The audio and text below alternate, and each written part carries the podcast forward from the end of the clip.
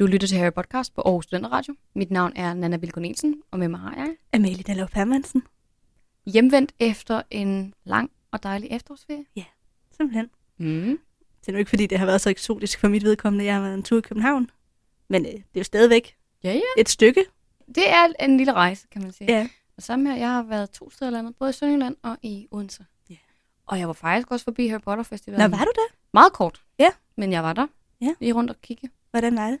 Jamen, det var, det var udmærket. Det var ligesom, da vi var der sidste år. Altså, nu har de jo... Undskyld, det hedder jo ikke Harry Potter Festivalen. Nej, det hedder det jo Det ikke. hedder Magiske Dage i Odense. Men ja, jeg var, jeg var lige lidt rundt og kigge sådan lidt på, hvordan de havde pyntet byen op. Og det overvælder mig altid, fordi jeg, at jeg bliver virkelig som et lille barn, Mm. når jeg ser alt det der. Og bliver sådan super excited og skal sådan tage billeder af sammen med diverse ting og sådan noget. Øh, og min kæreste, som jeg havde med, synes, at jeg var måske lidt... Lidt pinligt. Måske. Han ville i hvert fald ikke med på nogle af de der billeder. Nå, Øhm, men det er også okay. du skulle have haft mig med i stedet. Jeg skulle have dig med. Ja. Ja, ej, men det var, det var faktisk rigtig udmærket. Jeg var der ikke så længe, men ting er jo også lidt, at festivalen er mest gearet til børn. Ja. Og øh, det virker lidt mærkeligt at skulle stå i kø til at komme ind i de der små butikker Mm. sammen med en masse 10-årige, når man er 25. Det har ikke forhindret os før, vil jeg sige. Nej, det har det ikke. Men, Men, men, øh, men, men det er rigtigt nok. Jeg har i hvert fald Ja. brug for en støttende person, hvis jeg skal sådan nerd Mhm. out, tror jeg. I hvert fald, når segmentet er så... For de lidt yngre. Ja, Ja. det er man vist godt Desværre. sige. Desværre. Ja. Og apropos katte, så lå jeg også og nussede med en kat. Nå. Hele efterårsferien. Ærligt. øh, fordi vi skal jo snakke om katte i Jeg dag. synes, det kom bare lidt ud af det blå. Apropos katte, sådan, der er ingen af os, der har nævnt en kat Nej, i mine tanker i dine tanker. okay. har jeg tænkt over, ja. at vi skal snakke om katte i dag. Okay, ja. I hvert fald en lille smule, fordi øh, vi får introduceret en vigtig Det må man kat i dag. Mhm. Skævben. Så ja, Dejligt. i hvert fald. det er nogle spændende ting, vi kommer ind på i dag, tror jeg. Vi skal jo snakke Ja. om både kapitel 4 og 5. Mm-hmm. Så den utætte kedel og dementorerne. Lige præcis. Ja. Og vi gør det ligesom vi gjorde øh, første gang, Mm-hmm. hvor vi havde to kapitler, at øh, vi tager resumerende skiftevis. Så du tager kapitel 4, så tager jeg 5. mm-hmm. Så går vi over i magiske relationer, så starter du, og så tager jeg det. Sådan, så det gør, kører sådan skiftevis, men stadig hvor segmenterne har samme rækkefølge. Lige præcis. Fordi at, igen, det vil bare ikke give nogen mening. Hvis Nej. den ene lige er af en halv time, og den næste så gør det. Mm. Så det er derfor, vi gør det sådan. Men det kan godt være, at vi bare skal se at komme i gang. Ja, yeah. før vi kommer alt for godt i gang dog, vil jeg lige undskylde for min stemme. jeg har været lidt syg her de sidste par dage, og har også øh, lidt øh, Kleenex med i dag, men øh, jeg tænker, det, det er okay. Men hvis I undrer jer over, hvis I synes, at lyden ikke er helt som den plejer at være, så det er altså ikke, fordi der er noget galt med jeres høretelefoner eller vores lyd, så er det bare, fordi min stemme er lidt øh, præget af noget forkølelse. Det over- overlapper jo næsten lidt med, øh, da jeg var syg Ja. sidst. Ja, sidst var det dig. Ja, ja. Så er det min tur nu. Mhm. Sådan er det. Men øh, når det er sagt, så lad os øh, komme i gang. Yes.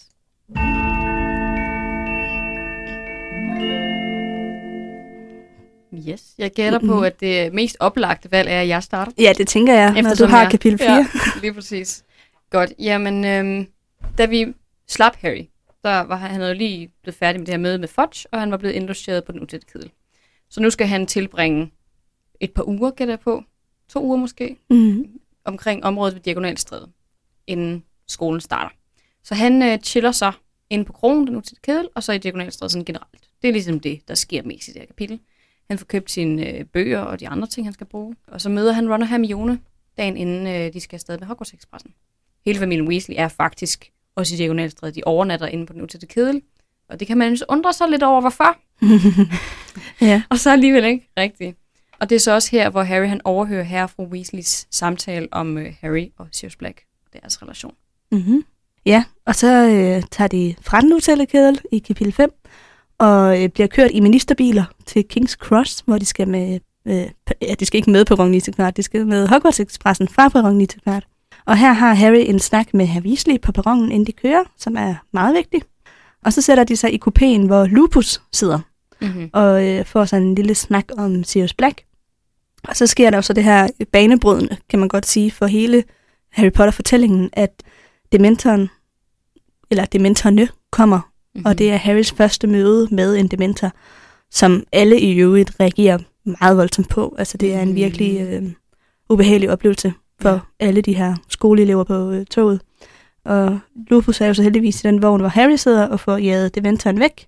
Og så kommer de op på slottet, hvor Harry og Hermione får en lille snak med McGonagall. Mm-hmm. Og så får vi introduceret, at øh, Hagrid er den nye lærer i øh, magiske dyrs pasning og pleje. Det er så Der dejligt. sker virkelig meget i det her kapitel. Jamen, der er så mange informationer, fordi nogle gange, Ja. ja. så har vi sådan, øhm, så er vi det samme sted i et helt kapitel, Ja. og det er bare en samtale, eller Er der ligesom en setting tit? lige præcis. Ja.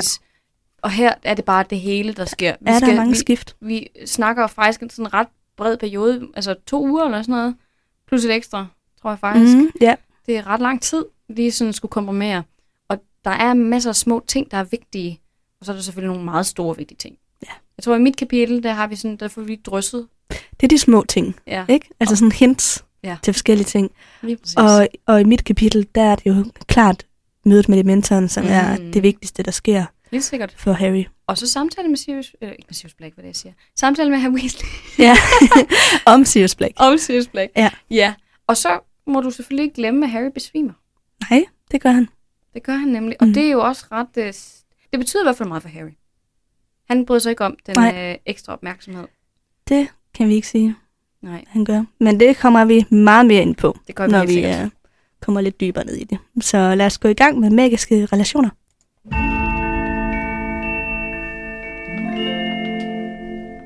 Ja, jeg vil fortsætte, hvor jeg slap.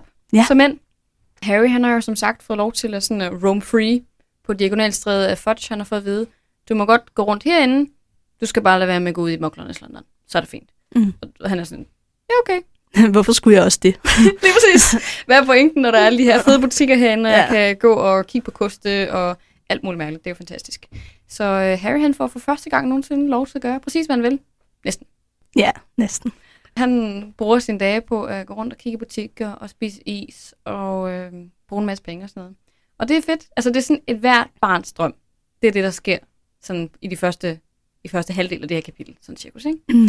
Du har jo været inde og se um, Warner Brothers Studio i London, ikke? Jo, det har jeg nemlig. Har de en diagonalstræde? Det har de. Den er ikke lige så lang, som den bliver beskrevet, den er i bogen. mm-hmm. Fordi Harry han siger jo det her med, at øh, der er så mange butikker, at han kunne finde en ny hver dag, han kunne gå ind og undersøge og sådan noget. Det er der ikke i den udgave, der er i øh, Warner Brothers Studio. Mm. Men øh, man får helt klart en fornemmelse af det.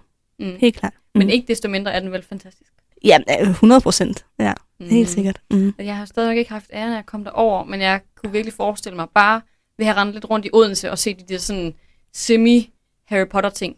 Fordi det må ikke være Harry Potter mere. Nej, Øhm, magiske ting. De der magiske ting, som emulerer Harry Potter ret meget. Ja, Det giver mig sådan helt kriller.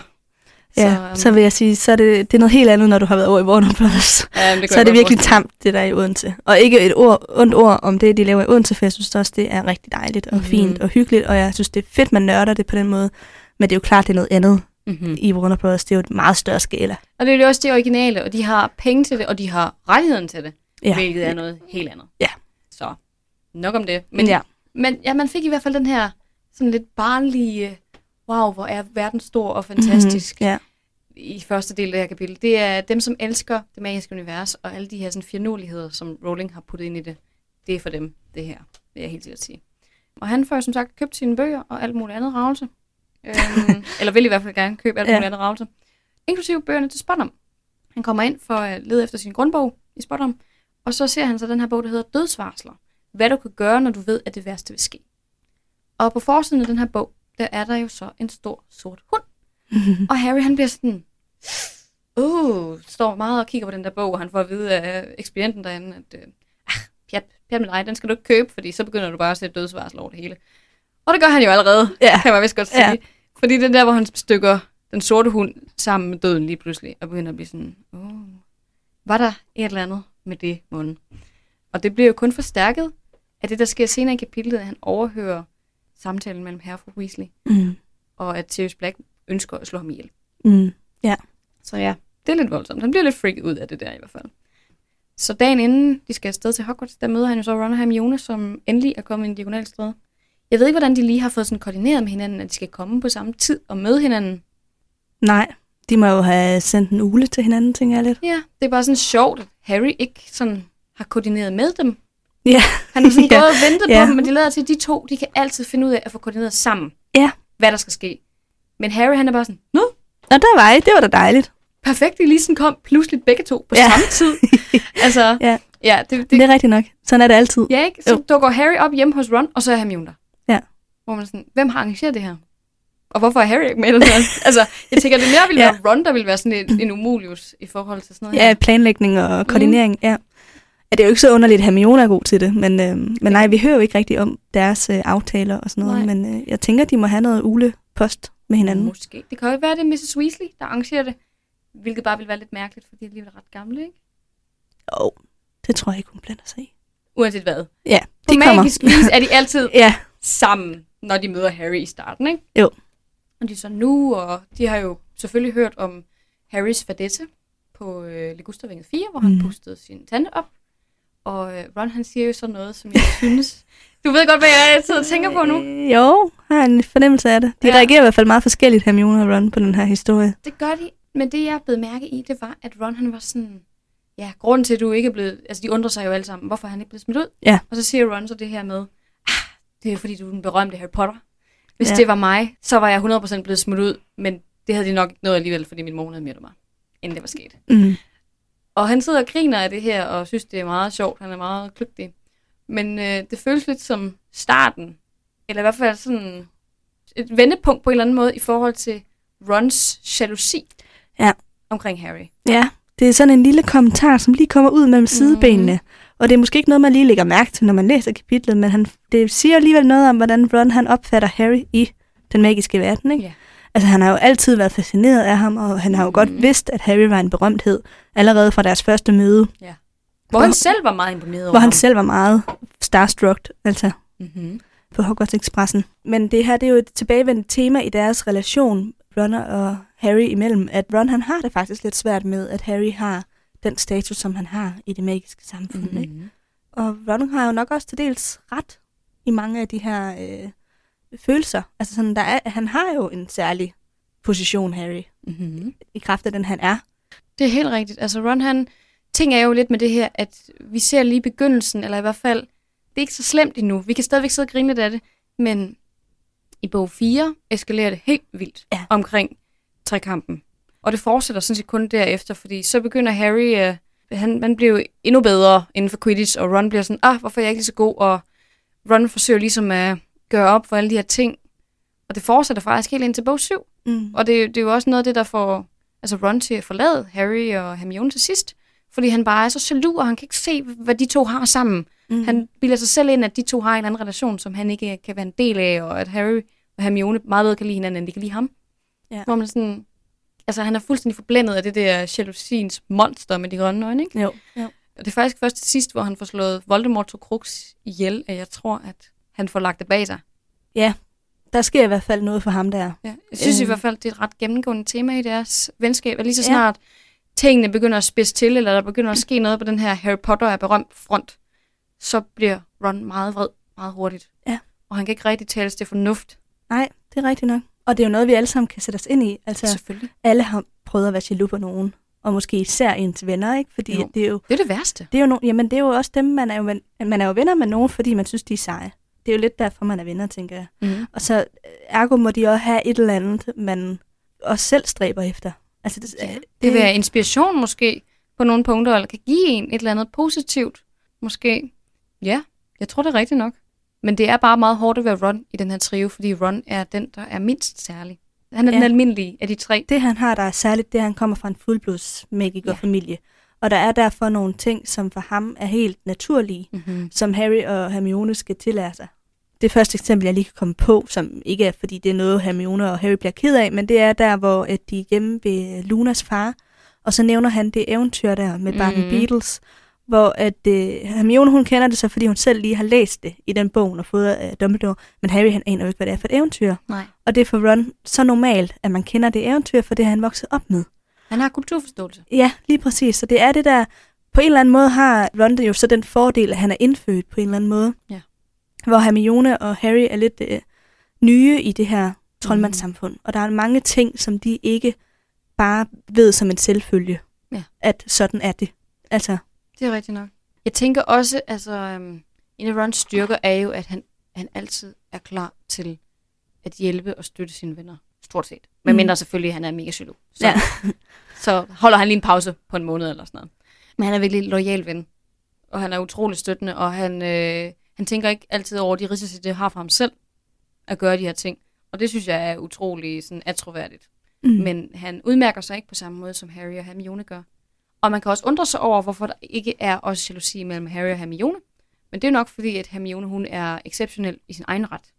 Hun får at vide, hvor fantastisk hun er, uden at blive sammenlignet med Harry. Hun er den kløgtigste, Jeg tror, det er fordi, de, ting, de udmærker sig på to meget forskellige punkter. nemlig. Hun har ligesom det intelligente, boglige, akademiske for sig selv. Ja. Derfor er hun ikke konkurrence af Det Harry og, og Ron. Bortset lige fra i øh, sekseren, hvor at Harry han udmærker sig i elixir, fordi han har den der bog. Det er rigtigt. Og der bliver hun jo faktisk også jaloux. Altså det, det har hun. hun rigtig svært ved at håndtere, fordi nu, så bevæger han sig ind på hendes ene mærker. Det er rigtigt. Det er det, hun er god til. Jeg tror også, hun har lidt svært med ham en gang imellem i forhold til forsvar mod mørkets kræfter.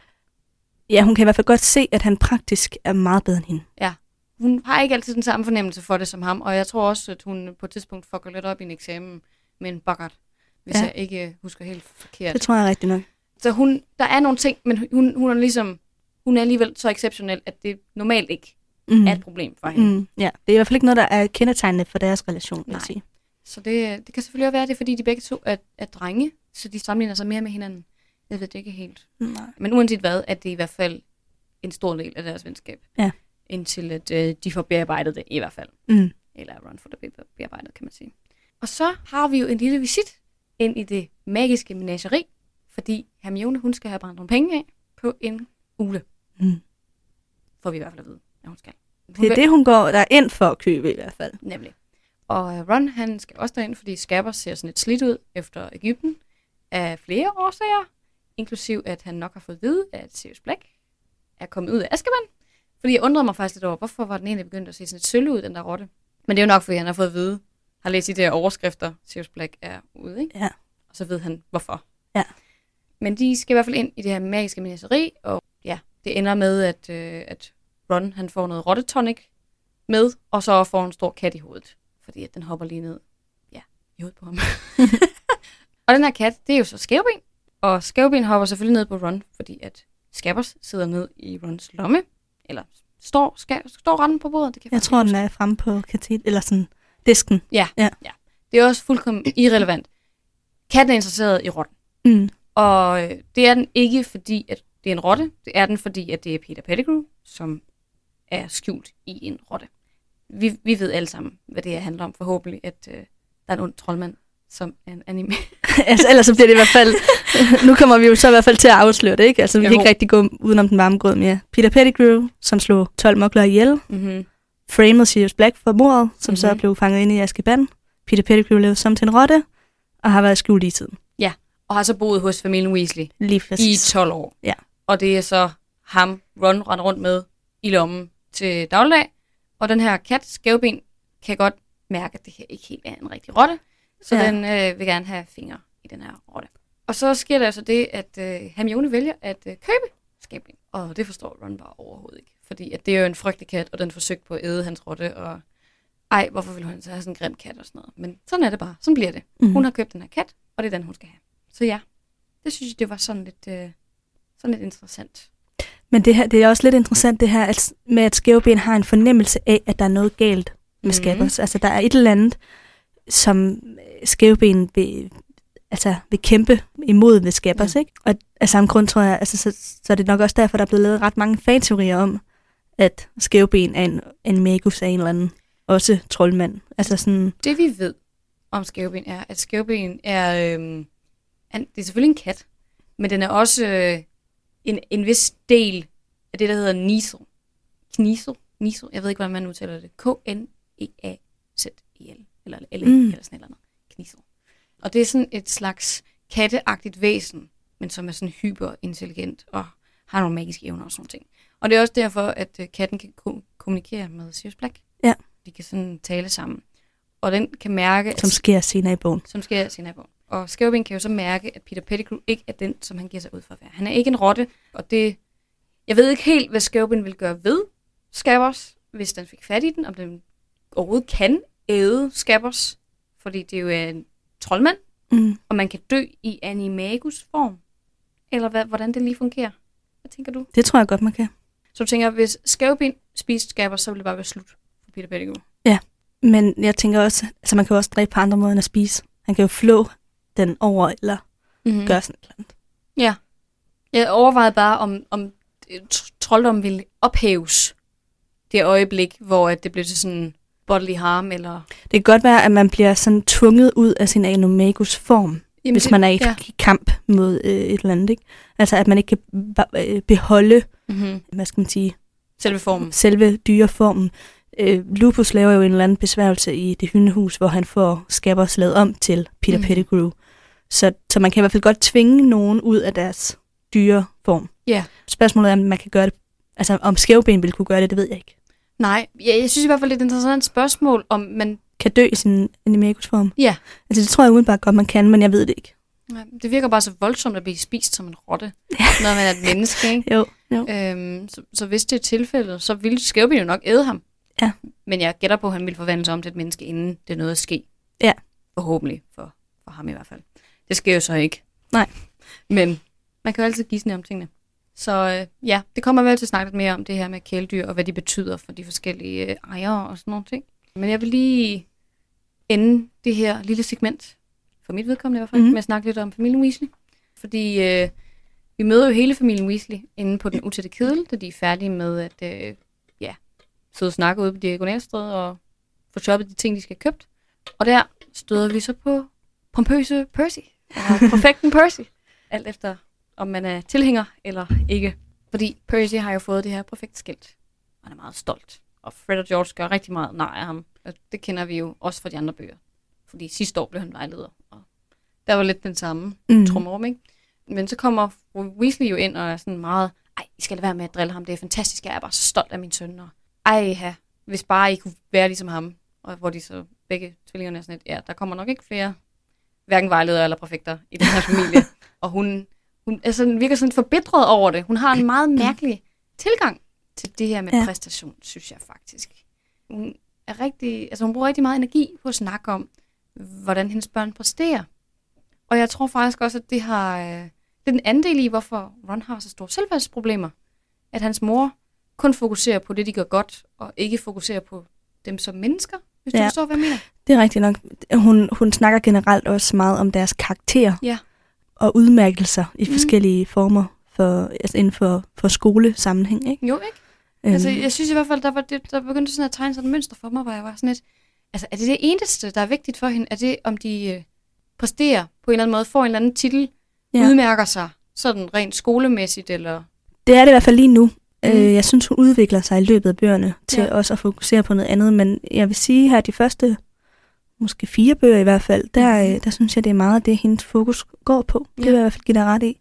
Det er også noget af det, man har fornemmet i... Øh, ja, nu ikke så meget i bog 1, for der var det begrænset, hvor meget vi mødte hende, men i Mhm. bog 2 også, da Harry er hjemme ved, ved familien Weasley i Villenhuset, så er det også meget det, samtalen går på. Mhm.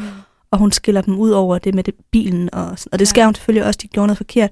Men, men det, hun roser for, det er alt sammen faglige ting, ikke? Det er rigtigt nok. Og det er så derfor, det er sjovt, ikke, når man sammenligner hende med Mr. Weasley, som overhovedet ikke snakker om de der ting. Ja. Ja. Han er meget mere interesseret i, hvordan de går, hvad de går og laver, og sådan de der mærkelige påfund, de har og sådan noget.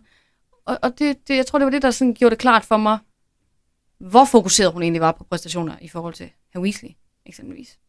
Jeg ved ikke. Jeg synes i hvert fald, det var sådan lidt ærgerligt, fordi jeg tror, at det er det, der ligger til grund for, at Ron har det så dårligt med sig selv. Ja, men det tror jeg da også øh, på mange måder, det er, fordi hun sammenligner jo rigtig meget sine børn. Ja, det gør hun. Og det, øh, det tror jeg, enhver øh, opdragelsesbog vil sige, det, det skal man passe på med. Altså, og især på den måde, hun gør det ved at fremhæve andre Mm-hmm. og sige, hvorfor kan du ikke være ligesom ham? Hvis I bare var ligesom Percy, Ja. I bare var ligesom Bill eller Charlie. Men jeg tror, der hvor ændringen sker for hende, det er der, hvor Percy også ændrer sig. Ja. Hvor Percy han bliver en af Fudges største hvad skal man sige, Støtter. støtter imod Harry Ja. i bog 5. Ikke? Det tror jeg, du har ret i faktisk. At så går det op for hende, Nå, okay, bare fordi mine børn præsterer godt, er det ikke ens betydende med, at vi har en god relation til hinanden. Nej. At vi er en lykkelig familie. Eller at de har de rette værdier. Nej, nemlig. Og øh, det sker nok in, i endnu højere grad under troldmandskrigen, og det, det sker til sidst med Stakkels Fred. Ja. Der kan man da håbe på, at hun embracer alle sine børn Mm. på lige Fod. stor ja, måde, ikke? Jo. Ja. Jeg synes i hvert fald, det var, det var lige noget, jeg sådan Ja. mærke i. Og så øh, afslutningsvis, så er der jo så øh, her på Weasleys diskussion, hvor de jo så samtaler om det her med, hvorvidt skal Harry vide sandheden om Sirius Black, og at Sirius Black ønsker at slå ham ihjel. Mm. Det er jo det, de tror er sandheden. Men øh, det ved vi godt, det ikke er. Og så overvejer jeg så, hvad du tænker er den rigtige tilgang. Fordi at Mrs. Weasley, hun siger jo så, jamen altså, han skal bare leve i lykkelig uvidenhed. Der sker alligevel ikke noget. Han er på Hogwarts, det er fint. Så øh, vi, vi skal ikke sætte en strække led på den strække streng. Mm. Og så siger herr Weasley i stedet for, han skal have mulighed for at forsvare sig selv. Det er bedst, at han ved det, så han ved, hvad der kommer. Hvad tænker du så, Amalie? Ja, åh, oh, det er et godt spørgsmål. Jeg spørger dig, fordi jeg ikke selv ved, hvad Ja, jamen man kan jo også argumentere for begge øh, svar mm-hmm. i virkeligheden. Ikke? På mange måder tror jeg faktisk, at jeg er meget enig med fru Weasley. Fordi jeg synes, øh, vi er ved at få et samfund, hvor børn meget hurtigt skal forholde sig til ting, som egentlig er øh, voksen, hvad skal man sige? Voksen ting. Ja, altså, altså sådan bekymringer. Ja. Voksenbekymringer. Og det er ikke fordi, jeg man skal holde ting skjult for børn. For det, det skal man heller ikke. Men, men jeg synes, man skal tænke over, hvad man indviger børn i, og på hvilken måde.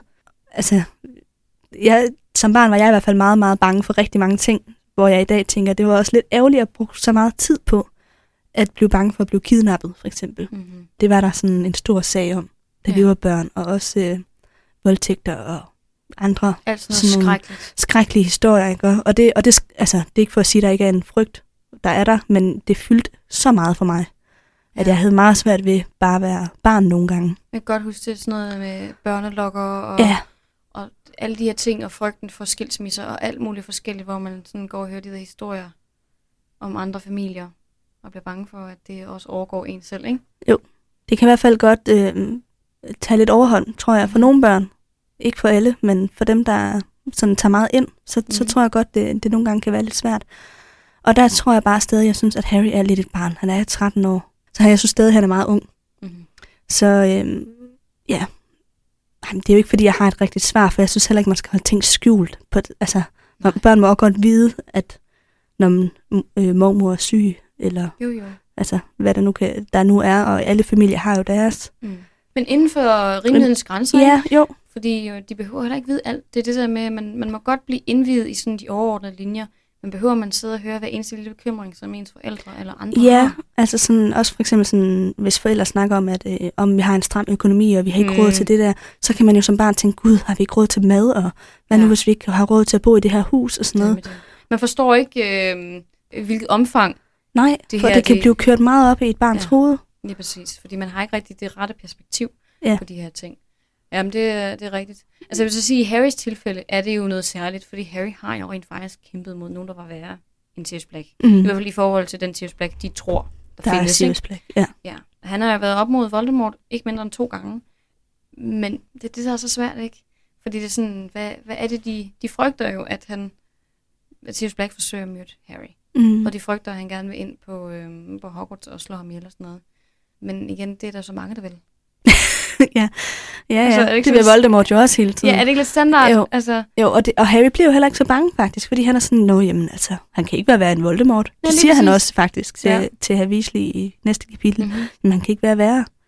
Så, øhm, så det er ikke for Harry egentlig så grænseoverskridende at få den her information. Nej, det, det er jo ret standard lige hans situation, ikke? Jo. Men jeg vil så sige til gengæld, i forhold til den her diskussion, der nævner øhm, fru Ise på et tidspunkt, at øh, åh, jamen, altså, alle de steder, hvor Dumbledore er, eller det kan faktisk godt være, det er Harry selv, der tænker det, Jeg tror, det er Harry, der tænker der, øh, der er man sikker. Dumbledores sådan sted er det mest sikre sted i verden. Mm. Og man siger, det er jo ikke rigtigt. Fordi alle de gange, hvor Voldemort har været på Hogwarts, der har Dumbledore ikke været der. Ja, altså han har i hvert fald ikke forhindret det. Nej, han har ikke været til stede på Nå, skolen. nej, det er heller ikke det. Nej. Altså, dengang, da vi var nede i... Øhm, jeg skulle have de hemmelige... De hemmelige sten. De Hemmelighedens vises, de vises sten. Nå, okay. Der, var han, der var han rejst til London. Ja. Og i, under hemmelighedens kammer, der var han blevet smidt ud af skolen. Så Ja. det er sådan, altså, hver gang der sker et eller andet, der er Dumbledore på mystisk vis væk fra skolen. Ja. Så han er der aldrig til at forsvare Harry. Det er Nej. sådan lidt... I kan ikke rigtig regne med ham. Nej. Altså, for helvede. Ja. Han, han fiser af på et eller andet tidspunkt, fordi han bliver smidt ud, eller skal et eller andet mærkeligt. Mm. Så jeg, jeg, jeg synes bare, det var sådan lidt sjovt. Ja. Til at han lyd så meget til Dumbledore, når han ikke er der. Nå, skal jeg gå videre? Så kommer vi ind i øh, kapitel 5, Dementerne. Og der, øh, der kan vi jo, jamen jeg synes, at det er oplagt lige at snakke færdigt om alt det her med Sirius Black, som vi lige har berørt i kapitel 4. Fordi der øh, tager Harry Weasley så en snak med Harry. han beslutter sig for at øh, følge sin egen holdning og altså gå mod Molly og trækker Harry til side på perronen og vil så fortælle ham, at øh, Sirius Black er efter. Og Harry han er så øh, han er sådan meget cool. Han er bare sådan, det behøver du ikke fortælle mig, jeg har hørt det. jeg har overhørt din samtale med, med Molly. Jeg ved alt. Jeg ved alt. Og det gør han jo så alligevel ikke, fordi Harry Weasley, han, øh, han kommer i hvert fald til at give Harry en ekstra information, uden at han ved det. Fordi at han så siger til ham, Harry, du må sværge på, at du ikke begynder at lede efter Black på egen hånd. Og Harry han kigger på ham og sådan sådan, hvad? Og så, bla, bla, bla, bla, bla, så siger Weasley, lov mig det, Harry. Lov mig, at uanset hvad der sker, og så siger Harry, hvorfor skulle jeg ligefrem gå ud og lede efter en, der vil slå mig ihjel? spurgte Harry. Og så siger øh, Harry Weasley, lov mig, at du holder dig fra ham, uanset hvad du hører. Så der, der, da han hindrer ligesom til Harry, at Harry skulle have en eller anden grund til at gå ud og lede efter ham. Ja, og der er nogle ekstra informationer, som han ikke kender til. Ja. Og Harry har jo egentlig taget sig fint til takke med det, han overhørte. Sådan, Nå ja, jeg må være symbol på alt det, Sirius Black hader, eller hvis, Ja. jeg, hvis jeg dør, så kan det være, at øh, Voldemort kommer tilbage. Hvem ved? Men ja, der må jo være noget underliggende. Ja. Som, og det får vi så at vide senere, hvad det handler om. Men det, det var bare, jeg tror, Harry Weasley, han tænker sig ikke lige helt om her, hvor han lige øh, giver Harry de her informationer. Nej. Men Ja. ja. han, han håber jo nok på, at hvis det skulle ske, så ville Harry lytte efter det, han havde sagt til ham, og holde sit løfte. Ja. Øh, jeg ved ikke, siger han overhovedet ja? Nej, det gør han ikke. Han når ikke at svare ham, fordi så, øh, så skal de skynde sig op på toget, og han når faktisk slet ikke at, at sige hverken ja eller nej. Så han lover ham ikke noget. Nej. Too bad. Men han kommer så op i toget og, øh, og kommer i kupé med, med Lupus, som så sover, og øh, Ron og Hermione. Kan du huske, da vi var i Holstebro, der havde vi øh, sådan, der, der nævnte jeg det her med, at der var flere teorier omkring, hvorfor Lupus var med toget. Mm. Og øh, jeg må sige, nu tror jeg altså, at jeg øh, vil sige, at svaret må være, at han lige har været igennem en varulveperiode. Fordi de beskriver, hvordan, hvor havet han ser ud, og han er sover fra deres snak. Mm. Og altså, han er helt væk. Og ja. Ligner en, der er... Altså, ja, han har det ikke så godt. Nej. Så jeg tror altså, det, det må være det, der var svaret på den Jeg tror, det er samtale. realistisk. Men det er også sjovt, fordi de noterer sig virkelig, hvor mærkeligt og specielt det er, at han er med toget. Jeg har aldrig set en voksen, ud over øh, den lille Madheksen, trolley. Ja, madheksen. som han ser et helt nyt lys, efter man har læst uh, Cursed Åh, Child. Gud, ja, jeg kan aldrig se hende på samme måde igen. Nej, Det er fuldstændig vanvittigt. nu er der en del, der ikke har læst den endnu, så det skal vi nok ikke afsløre for meget, men uh, der kommer lidt mere historie på hende ja. Senere. Ja. Hun er ikke bare, hvad hun giver sig ud for at være. Nej, det er hun ikke. Hun er lidt mere end en barn Der er noget en lille teaser for det. Ja, nej, men øhm, ja, det undrer de sig over, at han sidder der. Ja. Øh, ja. Nå, og så har de så den her snak, de tre, omkring øhm, hele Sirius Black-affæren, og Ron og Hermione, de jo sådan, "Jamen, hvordan kan, det, hvordan kan du ikke være bange, og altså sådan, det vil jeg være, og de, de kører det meget op, og Harry han er sådan, slap af, venner. Altså, ro på. Jeg har prøvet, det var værd. Ja. Og så bed jeg lige mærke i, at øh, de så snakker videre om øh, Hogsmeade, hvor at øh, Ron han er sådan lidt ubehøvlet over for Hermione, fordi hun, de snakker om, at nu er det nået tredje år, så må vi få tilladelse til at tage på Hogsmeade, og det må Harry så ikke, men det må Ron og Hermione. Og så hun synes, det er vildt spændende, fordi at der er alle mulige historiske ting ved Hogsmeade, og så begynder hun at fortælle om det, og så siger, og Ron han afbryder hende hele tiden med at fortælle om de der slik, man kan købe der.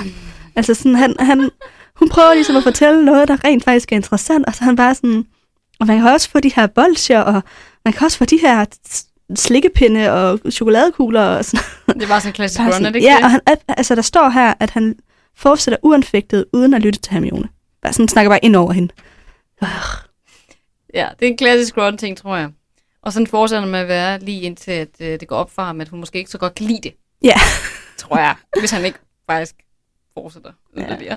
Det er bare så et, et træk ved ham, som jeg synes er lidt irriterende. Jamen, det er, det er det også lidt. Ja. Men han er sådan, når han først fokuserer på et eller andet, så Så kører han bare ud af en tangent. fuldstændig.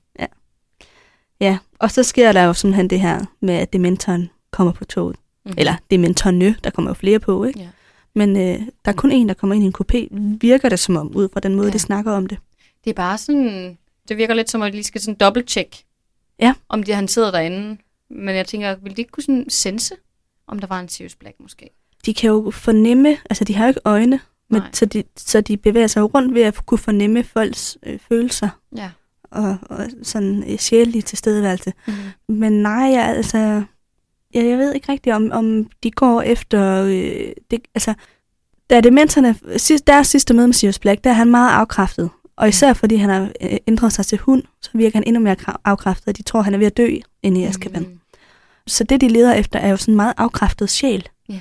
Og spørgsmålet er, om de bliver fanget af lupus, fordi han sidder der og er, altså i bogstaveligste forstand, meget afkræftet. Det kan selvfølgelig godt være. At de måske er i tvivl om, det er Sirius Black, der er inde i den vogn, hvor at Harry sidder i. Spørgsmålet er også, hvor meget de leder, og hvor meget de bare nyder at gå og sådan Ja. smage lidt på folk. Det er jo det. Altså, det er også en af, af altså, Dumbledore fornemmer vi i, i det her kapitel, han kan bare ikke lide dem. Mm. Og han, øh, han mener jo ikke, at de, altså han siger det her med, at de ikke er tilgivende væsener, for eksempel. Altså, de, de har ikke noget øh, medmenneskeligt i deres øh, natur. For dem handler det ikke så meget om godt og ondt. Det handler bare mere om at kunne straffe dem, som de får mulighed for at straffe. Ikke? Jo, altså, de får jo føde ved at være i nærheden af Mm. mennesker. Ja. Fordi de tager menneskers lykke. Det er Ja. deres føde, eller hvis man kan sige det sådan. Så nej, de er nok ikke så interesserede i, hvem det er, de gør det fra. De er bare Mhm. interesserede i at få det. Det, det er jo derfor, de angriber Harry af flere omgange, fordi de er sådan... Der er gods, der er få Ja. af. Ja. Lige præcis. Du, du er en eller anden kilde til næring for mig. Og så er sådan set lidt ligegyldigt, om der er noget godt eller ondt, som du har gjort.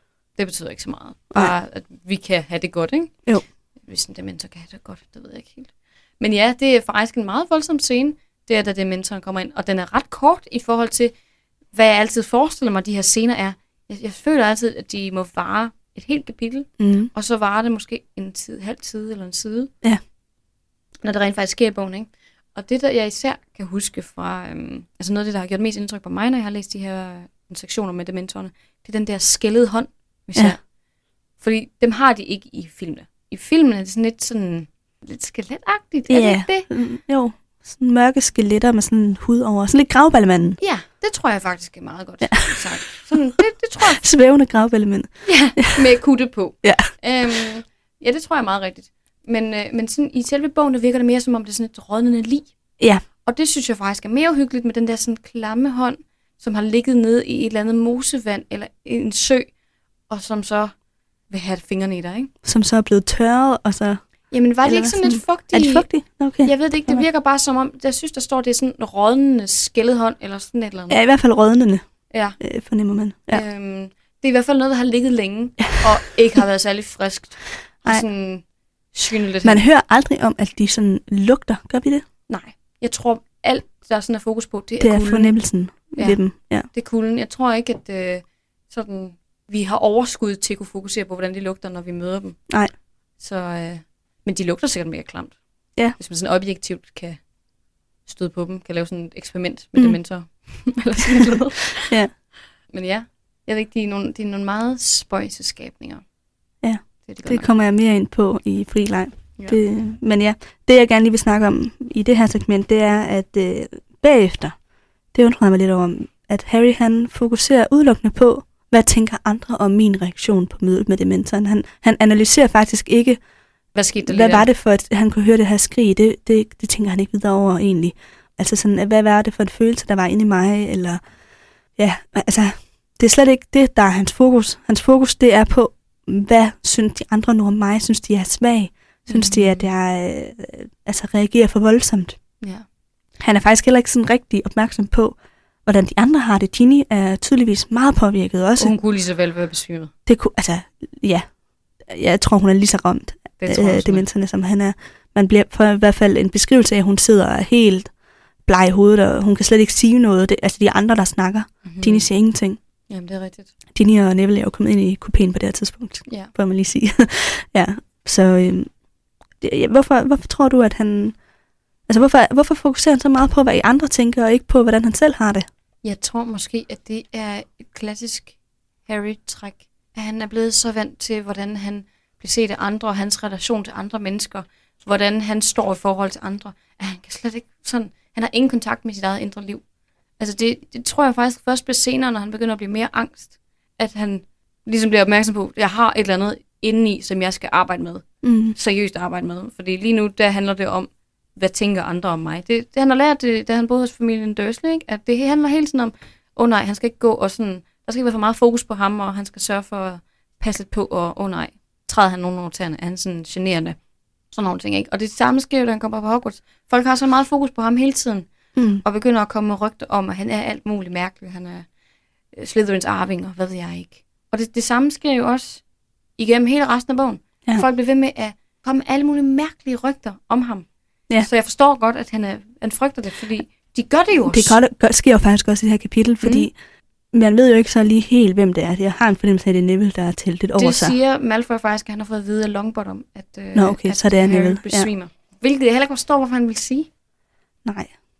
Spørgsmålet er, om Han er Neville nok har... out. Ja, og spørgsmålet er, om Neville har sagt det til nogle andre på Gryffindor, og så har Malfoy overhørt samtalen. Det kan også være. Han har ikke altid så meget situationsfornemmelse. Nej. Eller, tænker måske ikke lige altid lige over, hvem hører lige den her samtale. Mm-hmm. Men ja, altså, altså rygtet går hurtigt rundt på skolen, at Harry er besvimet under det her dementor, ikke angreb, men deres øh, Det er tilstedeværelse. mentor besøg. Ja, dementorbesøget. Visit. Der er visitten. ja, Harry er besvimet under visitten. Så det, så det er jo også, altså han er jo også en, en øh, person på skolen, som der bliver talt meget om. Ja. Altså på den måde kan jeg også godt forstå, at man bliver Juicy lidt mere gossip. bevidst. Ja, det, han er en nem kilde til sladder. Det er han virkelig, og folk de kan finde på så mange mærkelige rygter om ham. Altså, det går så hurtigt, ikke? Jo. Og han er jo bare, han, der sker jo også nogle særlige ting med ham, som, altså, man kan jo godt forstå det. Men jeg kan godt sætte mig ind i, hvorfor det er vigtigt for ham. Men, Det kan jeg godt forstå, og især også på grund af den alder, han har. Jeg tror også, det er lige alderen, hvor man tænker allermest over, hvad tænker andre Ja. om mig. det er Hvor meget... at jo ældre man bliver, så bliver man måske lidt mere ligeglad, og tænker lidt mere over bare, hvordan har jeg det egentlig? Ja. Altså, ja, fordi det her det er tydeligvis ikke en normal reaktion, så det må jo betyde et eller andet. Og det skrig der, som der ikke er nogen andre, der har hørt, må jo komme et eller andet sted fra. Mm. Man kan sige, at han ved jo heller ikke noget om dementorer. Han ved ikke, hvad de gør. Det kunne lige så vel være en hallucination eller et eller andet, ikke? Jo. Men ikke desto mindre, så vil en lidt ældre person, en lidt ældre Harry måske, sidde og være sådan, hvad handlede det der om? Hvad var det for noget, Mm. jeg hørte? Hvorfor var der det der grønne lys? Hvorfor var der nogen, der skreg?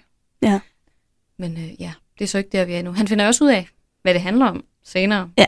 Men øh, ikke lige nu. Så øh, en sidste ting, som jeg lige vil, øh, hvad skal man sige, fortælle om i det her, Vende. vende i det her kapitel, det er så, at øh, Lupus han giver dem øh, chokolade mm. Bagefter. Og så tænkte jeg sådan, det var sådan, det er pudsigt, det er, sådan, det er noget, der går lidt meget igen. Altså, der er faktisk meget chokolade i de her bøger. Ja. Hvordan kan det være? Og så, Har J.K. Rowling en stor kærlighed til chokolade? Det kan sagtens være, men hun har i hvert fald skrevet, at vi ved jo, at dementorerne er et symbol på det at have en depression. Og så har J.K. Rowling skrevet, at chokolade er godt mod altså sådan depressioner på kort sigt, fordi det kan hjælpe til måske, at man lige får en lidt bedre dag, eller i hvert fald et lidt bedre øjeblik. Men øh, det er selvfølgelig kun midlertidigt. Man skal finde en vedvarende metode til at bekæmpe dementorer eller en depression. Ja. Og det er jo så også det, Harry han Mm-hmm. skal i gang med, kan man sige. Mm, det er der lille, den lille opkvikker. Det er godt lige i øjeblikket, men det er selvfølgelig ikke et plaster på, eller det er ikke en, en måde at komme videre på Det lang sigt. behandling. Det er ikke en behandling, det er det Nej. ikke. Og det synes jeg bare lige var vigtigt at nævne. Altså fordi, at, øh, det er ikke fordi J.K. Rowling bare siger, bare spis noget chokolade. Nej. Det er ikke det, det handler om. Det er godt, fordi det, det er jo egentlig også det, det de bliver ved med at sige omkring de her dementorer. Spis noget chokolade, spis noget Ja. chokolade. Så det er egentlig godt nok lige for den der og det er måske med, også det, samfundet siger til folk, der har en depression. Ikke bare kvik op. Eller, Ja. Find de lette løsninger. Løb en tur. ja, Spis hvad gør dig glad, gør det. Ja. Hvor at hvis man har en rigtig depression, så, så hjælper det jo ikke. Altså, Mm. det kan godt være, at det hjælper lige nu i de næste 10 minutter, men Hvis overhovedet. hvis overhovedet. Men det er jo ikke noget, der hjælper Nej. på længere sigt, vel? Så det er også et meget godt billede på vores måder at italesætte depressioner, men også sådan generelt psykiske vanskeligheder, ikke? Helt sikkert. Det er ikke så nemt. Nej. Nej.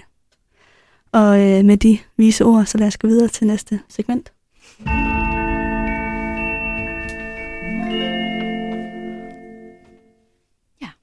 Og jeg lovede jo, at vi ville snakke lidt om kæledyr. Ja. Og det kommer vi også til nu. Fordi at jeg har tænkt, der må være et eller andet symbolsk med de her kæledyr, som vores trio har. Det kan ikke passe, at der ikke er et eller andet ved det. Så må ikke der er nogle kloge mennesker, der har tænkt lidt over det. Det kunne jeg selvfølgelig også selv have gjort. Men det var nemmere at slå det op. Ja, det var nemmere at finde, hvad andre kloge mennesker Det er siger. meget nemmere. Ja. Men ja, ligesom tryllestave og patronuser, der kan man forestille sig, at øh, kæledyr har en vis betydning for øh, deres ejer. Altså, man skal jo vælge sit kæledyr selv, så man vælger jo nok noget, der passer til en. Og derfor tænker jeg, at øh, vi lige tager Harry, Ron og Hermione's kæledyr nu. Ja. Mm. Harry har jo Hedvig, og hun er sådan en stor hvid sneugle. J.K. hun har selv været ude at fortælle, at hun har valgt Hedvig, fordi at hun ligesom repræsenterer uskyld Det er den her hvide farve selvfølgelig. Mm. Og det er jo så også derfor, havde vi hun dør i den sidste bog, fordi at Harry mister sin uskyld. Han kan ligesom ikke rigtig blive voksen, hvis han bliver ved med at have den her ule med. Det er i hvert fald Okay. det, det, er det symbolske. Ja, Hun var, nødt, hun var nødt til Hun var at dø. nødt til at dø. Det var hun. Det har J.K. Rowling i hvert fald sagt. Jeg gætter på, at hun har ret. Jamen altså, det, alt hvad hun siger, tager vi som sandheden her. Det er præcis. Og samtidig så er det her med Hedvig jo også, hun er ret unik med den her hvide farve. Hun er en stor, flot sneugle, og men vi får tit det her billede af hende blandt alle de her grå eller brune skoleugler. Hun er noget særligt, og det er det samme med Harry. Han skiller sig også ud af mængden. Han øh, bliver gjort til noget særligt i det her troldmands samfund.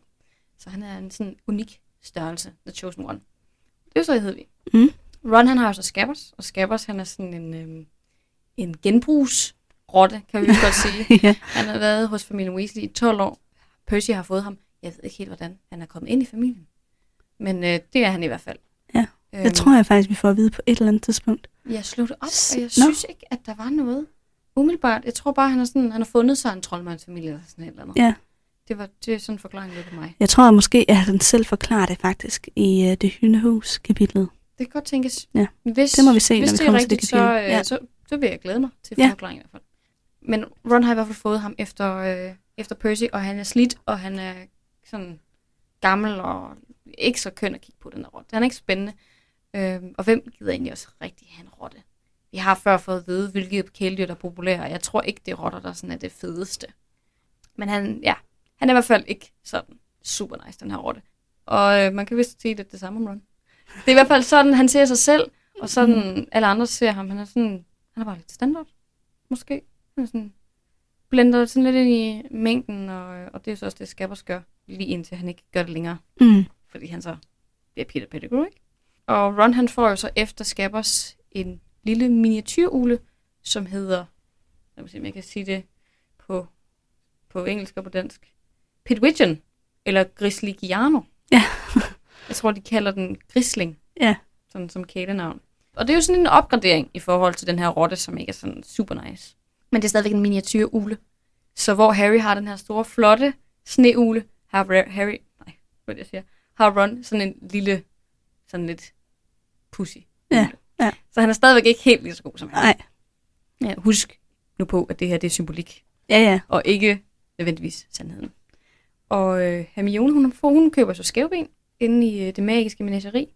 Og hun er jo så på sin, sin vis anderledes fra de to andre. Hun, øh, hun er lidt en anden type, excellerer på nogle andre punkter end de to, så derfor virker det meget passende, at hun skal have en kat, og ikke en ule, som hun egentlig gerne ville have købt i første omgang. Og Skævben er jo intelligent, ligesom hende. Og så er det sjove jo så også, at han ligesom hende er sådan lidt to ting. Han er både en kat, men han er også den her knisel eller nisel. Ja. Så, øh, så han står også lidt imellem to verdener, på samme måde som Hermione gør. En anden symbolik, tænker jeg lidt, det, må, det synes jeg også er, at både Ron og Harry, de får deres kæledyr. Hagrid giver Harry ulen, og Ron han får den af Percy, øh, Scabbers. Mm. Hvor Hermione hun går selv ind og vælger, hvilket dyr det er, hun gerne vil have. Det er rigtigt. Og Hermione vælger også et dyr, som hun øh, har en eller anden form for empati med. Ja, Altså- for det, hvis sælgeren siger til hende, at den har han ikke kunne få solgt. Mm-hmm. Så det, det er sådan lidt sådan, hvad skal man sige, øh, ud, udstødte øh, dyr, eller sådan. Hun vælger sådan et, der ikke, der ikke er andre, der vil have. Mm-hmm. Ja. Også fordi hun, altså det siger hun også, hun synes, den er utrolig sød. Ja. Hvor Ron bare ser sådan et eller andet grimt, fladmæst dyr, som øh, ondsindet går efter hans rotte, så ser hun sådan en virkelig sød kat, som hun bare allerede er forelsket i fra første øjeblik, ikke? Mm. Så øhm, ja, hun har sådan en kærlighed til sådan lidt de udstødte, tror jeg, Hermione. Og så har hun en selvstændighed, Også det. som de andre to ikke har. I hvert fald i forhold til, hvis vi læser symbolik ind i det her Mm. kæledyrs Mm. show. Mm. Helt sikkert. Så vil jeg gå videre og fortælle lidt om dementor. Mm. Jeg har jo allerede været lidt inde på, at det er et symbol på depression, og det er, altså det har J.K. Rowling med at sige mange gange, at det er hendes måde at beskrive, hvordan en depression føles. Den måde, dementerne får folk til at føle på, det er den måde, hun har oplevet selv, også at, øh, at have en depression. Hun havde selv en meget voldsom depression, inden hun, øh, altså inden hun, hvad skal man sige, Begyndte på bøgerne. Ja, i hvert fald inden det blev udgivet. Så det, har, det er noget, hun har erfaring med fra egen krop, kan man sige. Og øh, hun har selv sagt, nu, nu har jeg oversat det fra engelsk til dansk, øh, men hun har selv sagt, følelsen af, at man aldrig vil blive lykkelig eller glad igen, fraværet af håb, en følelse, der er meget anderledes fra det at føle sig ked af det. Og det er jo også det, som de beskriver i det her kapitel. Jeg tror, det er Ron, der siger, at øh, jeg føler, jeg aldrig vil blive glad igen. Ja. Så det, det er meget rammende beskrivelse, Mm. Det der sorte hul. lige præcis. Og så er deres, øh, altså dementors føde, som jeg også sagde før, det er menneskelig lykke. Det er sådan den måde, de, de ligesom får næring på. Ja. Så er der det her, øh, der hedder Dementor Kysset, som øh, vi også kommer til at høre mere om i- senere i den her bog, som er øh, den, hvad skal man sige, ultimative straf, hvor at den dementor suger sjælen ud af dig, så du kun er en tom skæld tilbage. Ja. Du er live, men uden at du ved, hvem du er, og Du er en grøntsag. du, ja, bortset fra, Sådan at du godt kan bevæge dig jo, men altså, Ja. du har ikke nogen, øh, hvad skal man sige, fornemmelse af, Nej. hvor du er, eller hvem du er. Sjælen er væk. Det, det Ja, ja.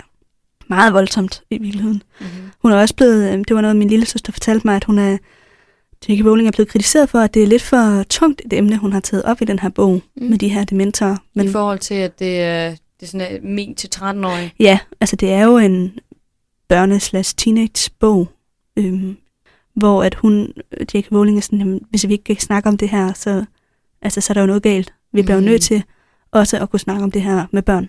Ja. Men det der dementorkøs er meget hæftigt. Det er også voldsomt. Altså, Ja. ja. da, vi får det beskrevet til sidst i bogen, der er, altså, man får virkelig sådan en kuldegysning Ja. ja. i tanken om det. Helt klart. Det er en voldsom oplevelse. Ja. Øhm, det kan være, det er noget, du kommer ind på, men tænker, hvor er det egentlig, de der dementorer kommer fra? Jeg, jeg mindes, vi har talt om det før. Men, Ja. Det, er- det, er- det har jeg også fundet ud af. De, de er jo vogtere i Askeban, og det bliver de faktisk ved med at være indtil 1996, hvorefter Mhm. de så bliver erstattet, fordi at Kingsley uh, Sjælkebold, tror han hedder på Ja. dansk, han vil ikke genansætte dem. Han synes, det er umenneskeligt at have dementorer som fængselsbetjente. Mm. Mm-hmm. Så i stedet bliver det så Aurora, Aurora som mm. Er øh, betjentene. Men øh, grunden til, at de er vogtere i Askeban, eller vagter, det er fordi, at de, øh, det er et sted, hvor de ligesom er blevet dannet Mm-hmm. i sin tid. I, for mange, mange, mange år siden, da Azkaban ligesom blev bygget, der var det en troldmand, som hed Ekristis, som lokkede mokler sømænd hen for at torturere dem for sjov. Jeg tror, vi har snakket om det her i vores øh, Ministeriet for Magi-episode. Ja, vores live show. Ja. ja fra Mølleparken. Mhm. Altså det er længe siden. Ja, men der var du nemlig inde på det her. Men det er godt at få det frisket op igen. Ja. De er nogle meget specielle væsener. Det er det. Men ja, han, ham her troldmand Ekristis, Ekristis, han, øh, han altså, ja, torturerede jo simpelthen bare en hel masse mokler og holdt dem inde i lang tid. Altså det var over lange perioder, han torturerede de her mennesker. Helt forfærdeligt. Og, og der var simpelthen så meget ulykke og sorg og øh, altså sådan, hvad hedder det? Frygt. Frygt og øh, alle mulige følelser, ubehagelige følelser, som gjorde, at dementerne opstod under det her. De, de, er sådan, de bliver akkumuleret Fuldstændig. af alle de her følelser for de her Ja. ja. mokler. Og så, ja, så døde ham der i Kristus på et eller andet tidspunkt, og så blev dementerne bare ligesom bare ved med at være der. Så var det ligesom skabt. Og så fandt ministeriet de her bygninger, som han, han, han øh, havde lavet, og så var de sådan, om det ligger egentlig ret smart her midt ude i Nordsøen, der er ikke nogen, der lige kommer herud. Det er perfekt at lave et troldmandsfængsel. Så ministeriet lavede det så om til et troldmandsfængsel. Man kunne også godt forestille sig, at Azkaban var sådan lidt øhm, inspireret efter Alcatraz. Ja. Fordi det ligger jo også midt ude i havet på en ø. Er midt ude, der er Okay, lidt ude. 10 minutter i en båd. Lidt ude. Ja. ja. Langt nok ud til, det er Ja, besværligt. ja, det er rigtigt. Jo, jo. Måske. Det har jeg faktisk været over at se, øhm, Mm. det fængsel. Jeg Det er det, der er Azkaban-vibes. Det tror jeg ikke lige, jeg tænkte over, da jeg var der. Men øh, altså, det var, i hvert fald også nogle meget umenneskelige forhold, de her fanger levede under på Alcatraz. Så jo, der kan jo godt være nogle, nogle sammenligninger der. Det har jeg bare ikke lige tænkt over. Jeg tænker også navnet. Ja, navnet minder om, ja, Alcatraz, Alcaban. Ja, Mm. mm, jo. Nej, men så skete der så det i 1733, eller mellem 1733 til 1747, så var der en minister for magi, som hed Eldridge Diggory. Jeg tror måske, han er forgænger til Diggory-familien. Det Øh, kunne sagtens lyde sådan. det staves i hvert fald på helt samme måde. Men han prøvede så at finde en anden løsning til de her vagter, fordi han var sådan, det er øh, virkelig inhumant det her. Det kan vi ikke blive ved med. Men øh, da han mødte så meget stor, altså kæmpe modstand fra andre troldmænd, som, fordi de var bange for, at hvis nu at vi fjerner dem fra Azkaban, så kunne det være, at de begynder at fordele sig ud blandt os på fastlandet. Ja. Og så, så skal vi til at håndtere dem hele tiden. Mm. Så det var egentlig sådan af frygt for, at, at, man selv ville blive berørt af dem, så var man sådan, nej, de skal blive ude i fængslet. Det er på samme måde, som folk de har det. Altså hvis man kunne lave sådan en, sammenligning med, med, hver, med vores liv, så, sådan, så man har det med atom, atomaffald. Ja. Hvad gør vi ved det? Hvor skal vi lægge det? Hvem skal have ansvaret? Kan vi bare ja. placere det ude i havet et eller andet sted, og så håbe på, at... Ja. At vi ikke kommer i berøring med det. Ja, lige præcis. Ja. Eller skal vi sådan tage vare på det på en eller anden måde? Kan vi skyde det ud i rummet? Altså, det er, sådan, er det ikke lidt de samme overvejelser? At folk vil ikke rigtig have det tæt på sig, men man ved heller ikke helt, hvad man skal gøre ved det. Man tør Mhm. ikke rigtig gå i hånde med det. Nej, det er en varm kartoffel, der er ikke nogen, der vil røre ved det. Ja, lige præcis. Ja. Det er rigtigt nok. Det er sådan, havde jeg ikke lige tænkt det, men det, det kan man vel godt lave sådan sådan, sammenligning. den der ja. tilgang, som folk de har til det, sådan, ah, nå, vi har det nu, fordi vi har skabt det. Ja. Men vi vil egentlig ikke rigtig have det i nærheden af os. Bortset fra, at det så ikke er dem, der har skabt det. Men, nej, altså, nej, men, men jeg ved godt, hvad du mener. Ja, helt sikkert. Dementer er amortale, og det vil sige, at de dannes og formes i områder med menneskeligt forfald, eller menneskeligt. ja. Så de er ikke hverken levende eller døde. Nej, og de, altså, de kan heller ikke, man kan ikke sådan dræbe dem. På det, altså, man, kan, man kan jæbe dem væk Mm-hmm. med patronusbesværgelsen, men man kan, ikke, man kan ikke slå dem ihjel. Og spørgsmålet er så også, hvad der sker efter troldmandskrigen. Den anden store troldmandskrig. Fordi ja. hvis de ikke længere beskytter øh, fængslet, eller vogter fængslet, så er det jo lidt interessant, hvor de så er henne. Ja, og det øh, kunne jeg faktisk ikke finde noget svar på. Hun har nok ikke fundet en løsning. Nej, Det kan Jackie. det kan jo være, at hun har, men jeg ikke lige kunne finde det. Men, øhm, men det ved jeg faktisk ikke, hvor de forsvinder hen. Men de bliver i hvert fald fjernet fra Askeban efter troldmandskrigen. Ja. Øhm, ja. De lever jo så kun på kølige steder, så det skal Mm. jo være et eller andet køligt sted, kan man sige. Så er den nordlige halvkugle sikkert Morten. Det kan være, man har kunnet jage dem op, på, altså et sted, hvor der ikke er mennesker. Nordpolen. Ja. måske. I don't know. de har faktisk også en pendant i tropiske miljøer, Nå. som hedder en leth- lethifold, hvis jeg siger det rigtigt. Er det, er det den, der er sådan lidt læderagtig? Ja, er altså sådan det et er også... stort tæppe lavet af læder? Mm, ikke læder, tror jeg. Det er også en kutte, den har på. Nå, og så det sådan en okay. lang hale.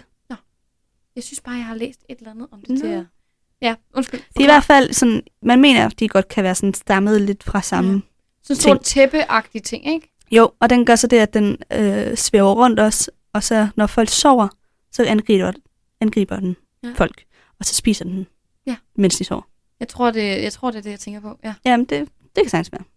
Og man, grunden til, at man tænker, at den hø- hører sammen med en dementor, det er også fordi, at Petronuser virker også mod dem. Mm. Så ja, og de er kappeklædte og svæver lidt over jorden, og ja, der er sådan ligesom nogle ting. De spiser som mennesker, Ja. hvor det gør. Tager ikke bare sjælen, men Nej. tager det hele. De tager det hele. Ja. Øhm, ja. Så øh, kan jeg sige, at øh, dementer har ikke noget køn. De er intet køn.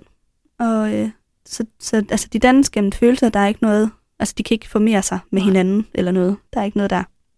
Øhm, og så en grunde til også, at de er virkelig altså inhumane at have ude i et fængsel, udover at alle fangerne bliver mega deprimerede og har lyst til at dø, så kan man også blive så deprimeret, at man faktisk mister sine magiske evner.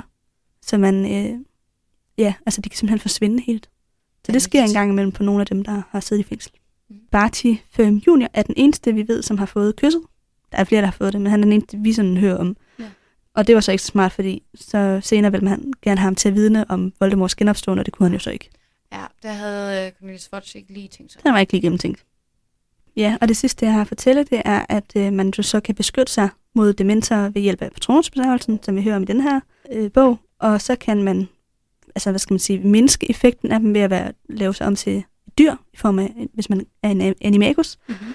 Man kan også beskytte sig ved at fokusere på en besættelse. Altså hvis man sådan, hvis man har et eller andet, man, man En passion eller hvad? ja, altså ligesom at Sirius han, han bliver besat af, at han skal fange Peter Pettigrew. Mm-hmm. Sådan, hvis du har et eller andet, du sådan, det her, det skal jeg, så kan du fokusere så meget på det, at du ikke rigtig bliver påvirket mm-hmm. af dementerne. Sådan lidt en meditativ.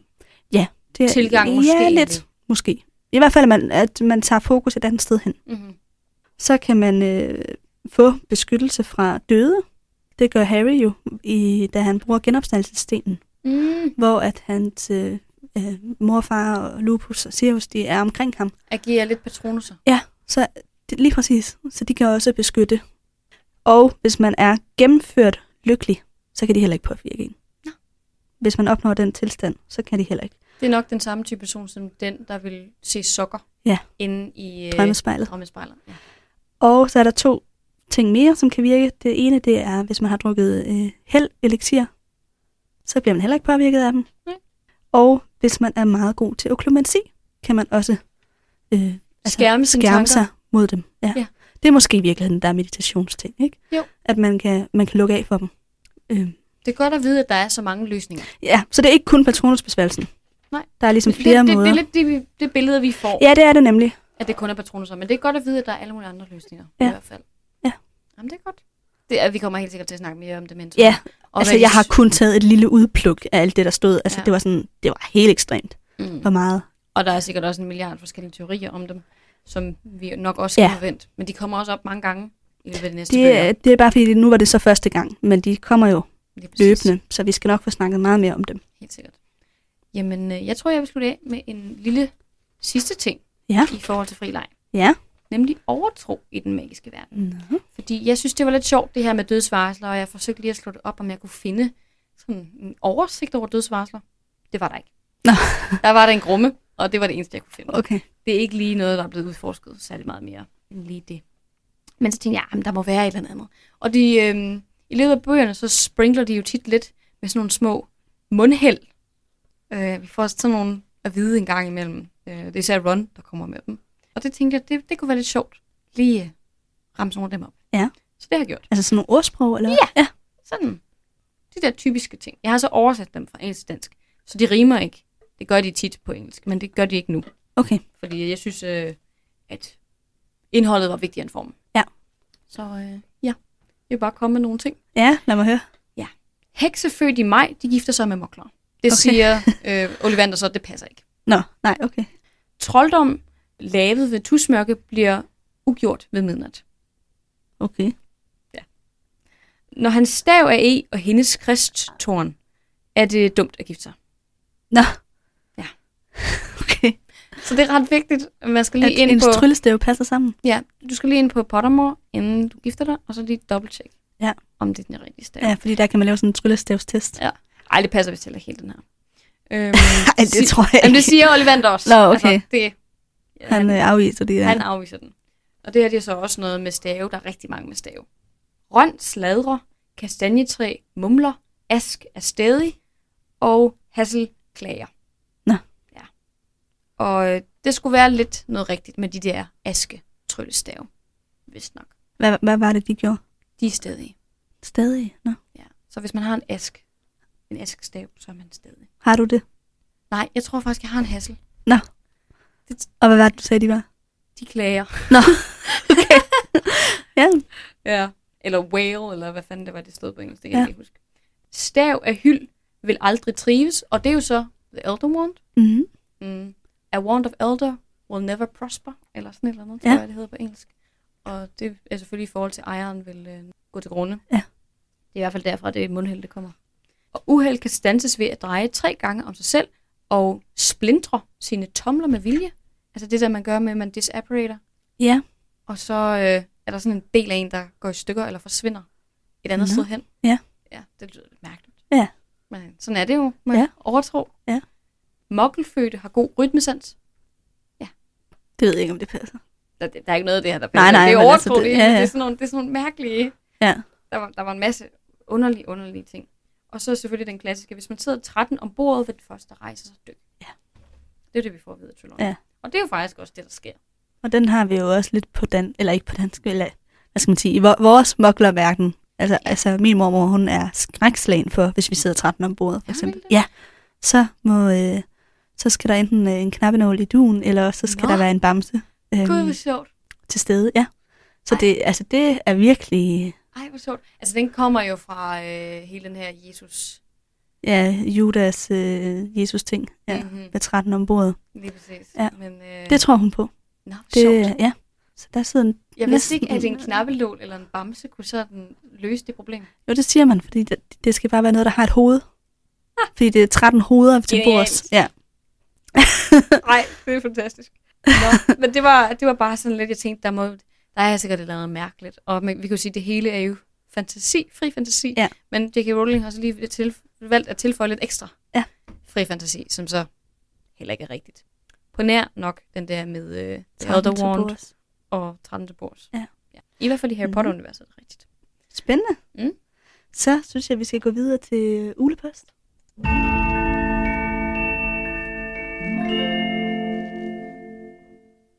Det er I jo heldigvis søde til at øh, sende ind. Og bliv endelig ved med det. Vi er faktisk snart ved at være i bund, når det kommer til mails fra jer. Ellers så må vi jo gå ind og finde nogen ind i vores øh, læsegruppe. Der er i hvert fald mange spørgsmål mm-hmm. at tage af. Så og der har I også selv givet nogle gode svar. Så det kan være, at vi begynder på det på et tidspunkt. Hvis ja. I ikke sender flere privat til os i hvert fald. Men i dag, ikke desto mindre, skal vi snakke om øh, Miriams ulepost. Mm. Men først så har hun lige lidt noget andet, og det vil jeg lige læse højt. Hun skriver, Hej med jer. Tak for en virkelig god podcast. Det er skønt at få lov til at nørde Harry Potter sammen med jer. Tak.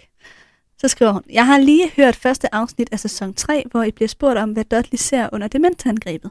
Jeg mener, og jeg tror måske, jeg har hørt det i jeres podcast, at han ser, hvor dårligt et menneske han er, hvor forkælet han er, osv., hvilket får ham til at revurdere hele sin personlighed. Det tror jeg, hun har helt ret i. Det mener jeg faktisk er noget, du har snakket om på et tidspunkt. Jeg tror, jeg synes også, det er noget, vi har snakket om. Ja. Og det er generelt øh, nok, når vi har snakket om Dudleys udvikling, ja. hvordan han ændrer sig i forhold til Harry. Ja. Men så kan man jo lige pludselig glemme noget, man selv har, egentlig har været inde på. Ja, men, men vi har jo øh, så mange timer snak. Ja, vi kan ikke, nogle gange kommer vi også til at gentage nogle ting og sådan noget, ja, fordi ja. vi kan ikke lige helt huske det. Men øh, tak for lige at opdatere os med det, eller hvad skal man sige, lige... Få det tilbage i vores ja. kommelse. Ja. Nå, og så kommer det vigtige. Og så har jeg lige et spørgsmål til Ulepost. Jeg har længe gået og undret mig over familien Weasleys pengeproblemer. Jeg er med på, at de kun har én lav indtægt og masser af børn, men jeg har lidt svært ved at forstå, hvorfor man egentlig kan være fattig, når man har magiske kræfter.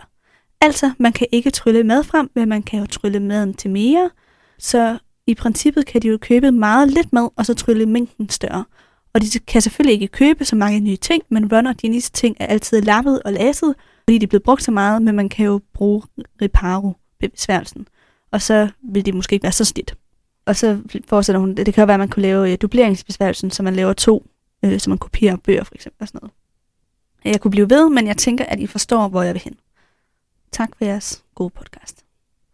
Og jeg tror faktisk, vi har været lidt inde på det her med familien Weasleys økonomi før. en del gange, ja. tror jeg faktisk. Men jeg har været inde og øh, finde ud af, eller undersøge sådan lidt ud over det, vi har snakket om. Mm. For jeg synes egentlig, at øh, altså, det er noget, vi faktisk ret tit bliver spurgt om. Det er ja. det her med deres økonomi. Det, det er også interessant, hvorfor de er så fattige. Det er svært, altså det er interessant, hvordan man kan være fattig i en verden, hvor man er med. Lige præcis, jo, altså sådan lidt større perspektiv, ikke bare lige dem, men generelt kan der eksistere fattigdom i en verden med magi, ikke? Mm-hmm. Og så var jeg inde og læse en masse omkring, altså hvad fans af Harry Potter, skal jeg sige, fans af Harry Podcast, nej, fans af Harry Potter har øh, diskuteret ind på sådan noget øh, fan, nogle fan hjemmesider og sådan noget. Og for det første, så vi diskuterede på et tidspunkt det der med, om man skal betale gebyr for at gå på Hogwarts. Det skal man ikke. Det er gratis at gå på Hogwarts. Det er en offentlig skole. Men man skal selvfølgelig selv betale for bøger og tryllestav og sådan noget, og det er ret dyrt. Mm-hmm. Så er der rigtig mange fans, som skriver, at de tror måske, at familien Weasley overdriver lidt, hvor dårlig en økonomi de har. Mm. Fordi de har aldrig problemer med at få mad på bordet. Vi hører gentagende gange om, at fru Weasley stiller an med sådan et stort, lækkert orgie af mad hvilket hun nok ikke vil gøre, hvis pengene var så knappe, som Nej. de taler om, at de er. Det kan selvfølgelig også handle om prioriteringer, men ja. det virker øh, som om, at det i hvert fald ikke er der, der bliver sparet i så fald. Hvis man er i ekstrem fattigdom, så har man også problemer med at få mad på bordet. Ja. Altså, så, altså, det er altid hjemmelavet mad, det de får. Og det er altid rigtig lækkert. Ja. Så øh, der er, der er helt sikkert noget der. Og så tænker jeg, og som og så nogen, der har skrevet, at det kan måske også handle om, at J.K. Rowling vil vise, at vi kommer fra forskellige samfundsklasser og samfundslag, og at vi har nogle forskellige økonomiske udgangspunkter. Så det kan godt være, at det ikke giver så meget mening at tale om rige og fattige inden for det magiske samfund, men det gør det jo i vores samfund, mm-hmm. hvor der ikke er magi. Er og, og derfor er det jo også øh, vigtigt at have med, altså at, at vi har nogle forskellige udgangspunkter. Ja. Det der, det er, sådan er det jo. Altså mm. vi bliver født i nogle forskellige øh, familier med forskellige økonomiske øh, muligheder. Ja. Og det er jo også der, hvor det spiller en rolle i den her historie. Det er sammenligningen ja. mellem Harrys egen rigdom, og så familien Weasley, og hvordan han har ja. det med det. Og, og mellem Malfoy og Weasley. Helt sikkert. Ja. Der, der, der er det der skæld. Men man kan også undre sig lidt. Altså hvis vi ser mere sådan på det rent tekniske. Ja. Det her med, at de ikke fikser de ting, de har. Eller ikke kopierer de bøger, som de køber. Det vil jeg umiddelbart også sige, ikke giver nogen mening overhovedet. Nej. Fordi vi kan se, vi har set så mange gange, at man sagtens kan reparere noget, der går i stykker. Dumbledore gør det masser af gange, og Hermione gør det mange Hermione gange. gør det masser af gange. Det er ikke så svært. Jo, jo, hvis du har en grim galakappe, så er det måske ikke lige så let at gøre den lækker. Men fru Weasley og herr Weasley er altså ret færme. De er begge to De er ret gode dygtige. troldmænd. Ja, Det er ikke, og hekse. mm, det er ikke Ja. ja. bare sådan lige nogle sådan lidt fuseagtige typer. De er rigtig dygtige begge to. Så øh, jeg, jeg kan ikke rigtig forstå, hvorfor man, man ikke har gjort det. Jeg, jeg tænker næsten, det må være valg. Men det er sådan en, I skal lære, hvordan det er måske. Ja, det kan godt være øh, sådan en, øhm, en, øhm, altså hvad skal man sige, sådan, ligesom at mokler ikke bare kan få nyt, nyt hele tiden. Mm-hmm. Vi bliver også nødt til at genbruge de Ja. ting, vi har, ikke? Mm-hmm. og reparere de ting, vi har, at det måske er lidt den samme mentalitet, hvor de sådan, vi skal ikke bare trylle os til alt. Nej. Det kan godt tænkes, at det er sådan en, en et form for et livsstilsvalg i virkeligheden. Måske. Altså det er i hvert fald, hvis man ser bort fra sådan, For de kunne nemt reparere ja ja, tingene. det, det er virkelig ikke noget problem. Og der er rigtig mange af skolebøgerne, som er de samme, der bliver genbrugt Mm-hmm. fra år til år. Især fordi der er så mange børn, Ja, som men, går på de samme klassetrin, ikke? præcis. Altså, og man kunne godt forestille sig, at øh, Fred og Georges bøger stadig er dem, som de bliver brugt. Altså, ja. En gang imellem skal de købe nogle nye, men som for eksempel Monsterbogen i den her mm-hmm. Mhm. bog, og øh, Professor Nidkær har også nogle nye bøger og sådan noget. Og det kommer også en gang imellem. Altså, så skal de købe, så kommer der nyt pensum. Ja. Men langt størstedelen af deres pensum, det er det samme. Altså, det er altid det samme til Det første år. udvikler sig ikke det så samme hurtigt. på andet. Ja, lige præcis. Så der, Ron vil sagtens skulle genbruge deres bøger. Og alligevel Mhm. får han de nye bøger. Det er rigtigt, og det er netop dem, der er så pokkerstyre. Ja. Især øh, Glitterik Smørhus. Ja, de var så også nye. Dem skulle jeg lige have. Ja, dem, der var det syv bøger eller sådan noget, jeg skulle Ja. ja. købe. Det var fuldstændig vanvittigt til Ja. et fag. Men øh, sådan er det jo, når lærerne Ja. selv bestemmer, kan man sige. Men det er rigtigt. Altså, og der kunne man jo godt bare have købt de der bøger, og så dubleret dem. Ja. Fordi det burde jo ikke være noget problem. Nej. Vi ved, det eneste, som man ikke Det kan være, der er, altså, at det er ulovligt.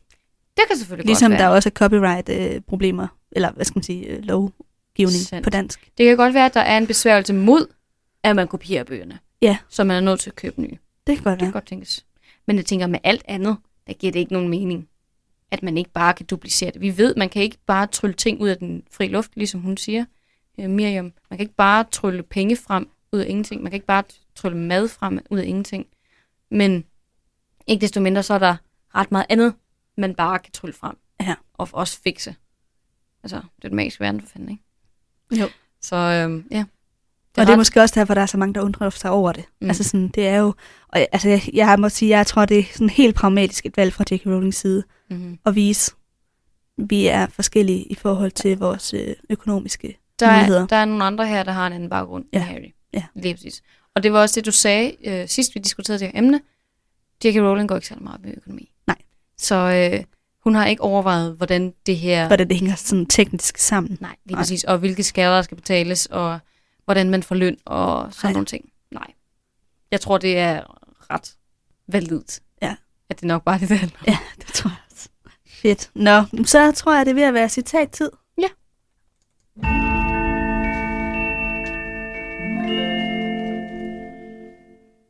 Vil du starte med et citat? Det giver meget god kronologisk øh, rækkefølge. Jeg kunne godt... Altså, mit, det er jo sådan... Jeg tror, dit, det ender på en mere positiv note, end mit gør. Ja, det gør det. Så jeg vil gerne tage det sidste. Ja. Ja. Fordi jeg synes, det var ret komisk. Ja. Harry han er inde på krogen efter at have overhørt den her samtale og er på vej seng. Men så sne erindringen om det lurende væsen i skyggerne, øh, i skyggerne bag Magnolia-kvarterets hække sig ind på ham. Og han huskede bogen om dødsvarsler, der lå udstillet hos boghandleren. Hvad du kan gøre, når du ved, at det værste vil ske. Jeg bliver ikke myrdet, sagde Harry højt og bestemt til sig selv. Sådan skal det lyde, min ven, sagde han spejlsøvnigt.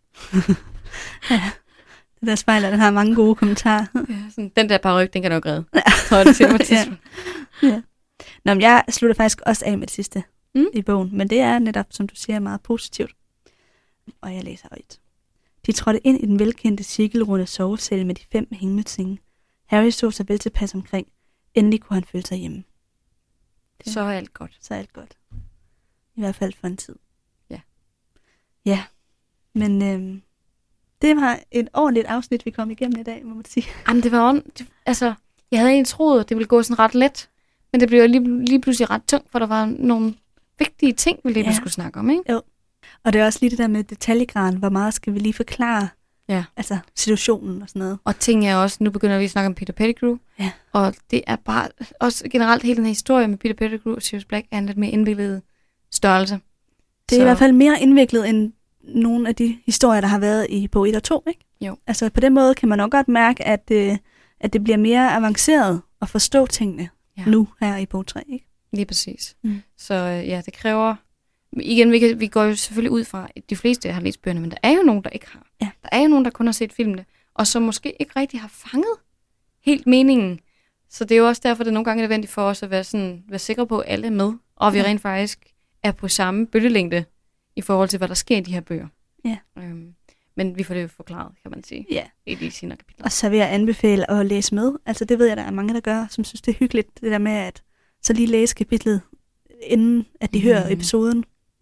Så de ved, hvad det er, vi skal ind på. Helt sikkert. Mhm. Jeg tror også, det giver rigtig meget. Men øhm, ja, gå ind og like og subscribe til os på iTunes, og skriv os nogle dejlige kommentarer, eller skriv os nogle beskeder på Facebook. Vi synes, det er rigtig Ja, dejligt. det er dejligt. Og vi har den her øh, famøse læsegruppe inde på, ja. øhm, inde på Facebook også. Som hedder Harry Podcast-læsegruppen. og der kan man jo så stille alle de spørgsmål, som man overhovedet kan komme i tanke om. Og Mhm. folk derinde er så søde til at svare. Så man kan Ja. bare gå amok. Der er et dejligt klima, eller hvad man skal Det sige. er der Det faktisk. er rigtig dejligt. Det, det, det er kun dejlige mennesker, tror jeg, der er inde i den gruppe. Ja. Så øh, der skal man i hvert fald være mega velkommen. Vi godkender alle Ja. glade Harry Potter-fans. Selvfølgelig. Og har man nu et spørgsmål, man synes er særlig godt, så skriv det endelig til os. Eller et, som man gerne vil have vendt på podcasten, fordi vi vender jo ikke sådan generelt dem, der kommer op inde på læsgruppen. Nej, det gør vi ikke. Det skulle være, hvis der ikke er flere, der har nogen privat, de har sendt til os. Det er nemlig det. Så, men det kan I gøre inden, via vores Facebook-side, så kan man trykke på send besked Ja. til os. Øhm, Nemlig. Hvis der er nogen gange, man gerne vil have, at vi skal sidde og diskutere herinde, Ja. så skal I skrive til os direkte. Yes. Super. Det var vist det for i dag. Yes. Tak for i dag, Nana. Tak for thank you